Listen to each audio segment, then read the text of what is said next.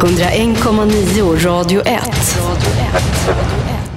Live från begravningsceremonin på Drottninggatan i Stockholm.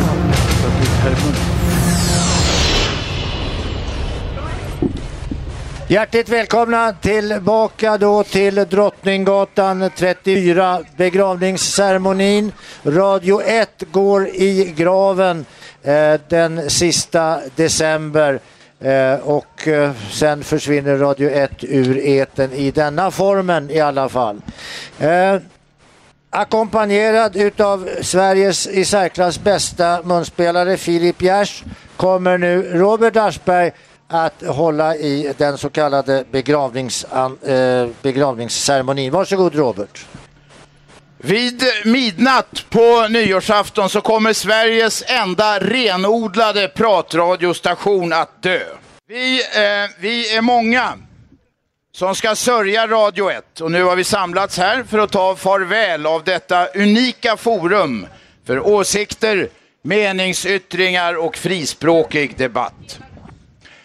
Radio 1. Du kunde skrika, gråta och be dig, be, bete dig omoget ibland. Men du kunde också kräva förklaringar, hålla dig fast vid frågor som berörde och vara både tjurigt envis, förstående och rent charmerande på samma gång.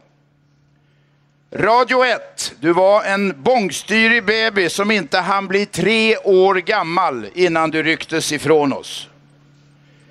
Men det du gjorde under din korta levnad var att du ändrade många människors vanor. En del av dina lyssnare kunde helt enkelt inte vara utan dig. Och du satte rekord i trohet bland de som hittade dig och ville höra dina många röster. Radio 1, du var inte bara dina programledare, var och en av dem med egna hjärtefrågor och eget förhållningssätt. Radio 1, du var i lika hög grad dina lyssnare, representerade av dem som dagligen ringde i hundratal för att prata om allt mellan himmel och jord. Relationer, politik, ekonomi, humor, resor, mat, sport, husdjur och livsstil. Gammalt och ungt i ovanlig blandning, för och emot, glatt och förbannat, ja, till och med stöddigt ibland, men för det allra mesta ärligt, nyfiket och befriande fördomsfritt. Och Radio 1, vad hade du varit utan stammisar som Ingegärd och Lennart och Jarry och Valle och Ulf och Matti och Kent och Rafi och Inger och Fredrik från Helsingborg. Ja, det fanns många, många fler som ringde regelbundet och ibland kunde någon slå en signal bara för att berätta en rolig historia. Radio 1, du vet att det är tungt nu för de som var med dig. De som lyssnade och levde och andades med dig i vått och torrt. Varför? Den bittra frågan måste ställas. Varför rycks du bort just nu? Det finns ett par förklaringar. Reklammarknaden kan idag inte bära en lokal station, inte ens i en stor stad som Stockholm.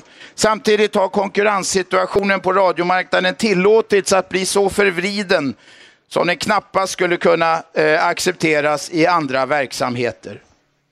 Men Radio 1, det viktigaste skälet till att du tvingas dö är ett annat. Det är att politikerna i riksdagen inte förmått fatta samma enkla beslut om digitalisering av radion som redan gjorts i många andra länder. Ett sådant beslut hade kunnat trygga din framtid. Du hade tillsammans med ett 50-tal andra rikstäckande kanaler, syskon om du så vill, kunnat växa ur barnkläderna och bli ett av många viktiga radioalternativ för hela Sveriges befolkning. Radio 1, du lämnar oss nu med massor av glada och roliga minnen. Vi är övertygade om att du inte dör för evigt. I en eller annan form kommer du tillbaka. Din röst och lyssnarnas röster behövs om vi tillsammans ska kunna göra ett bra land bättre.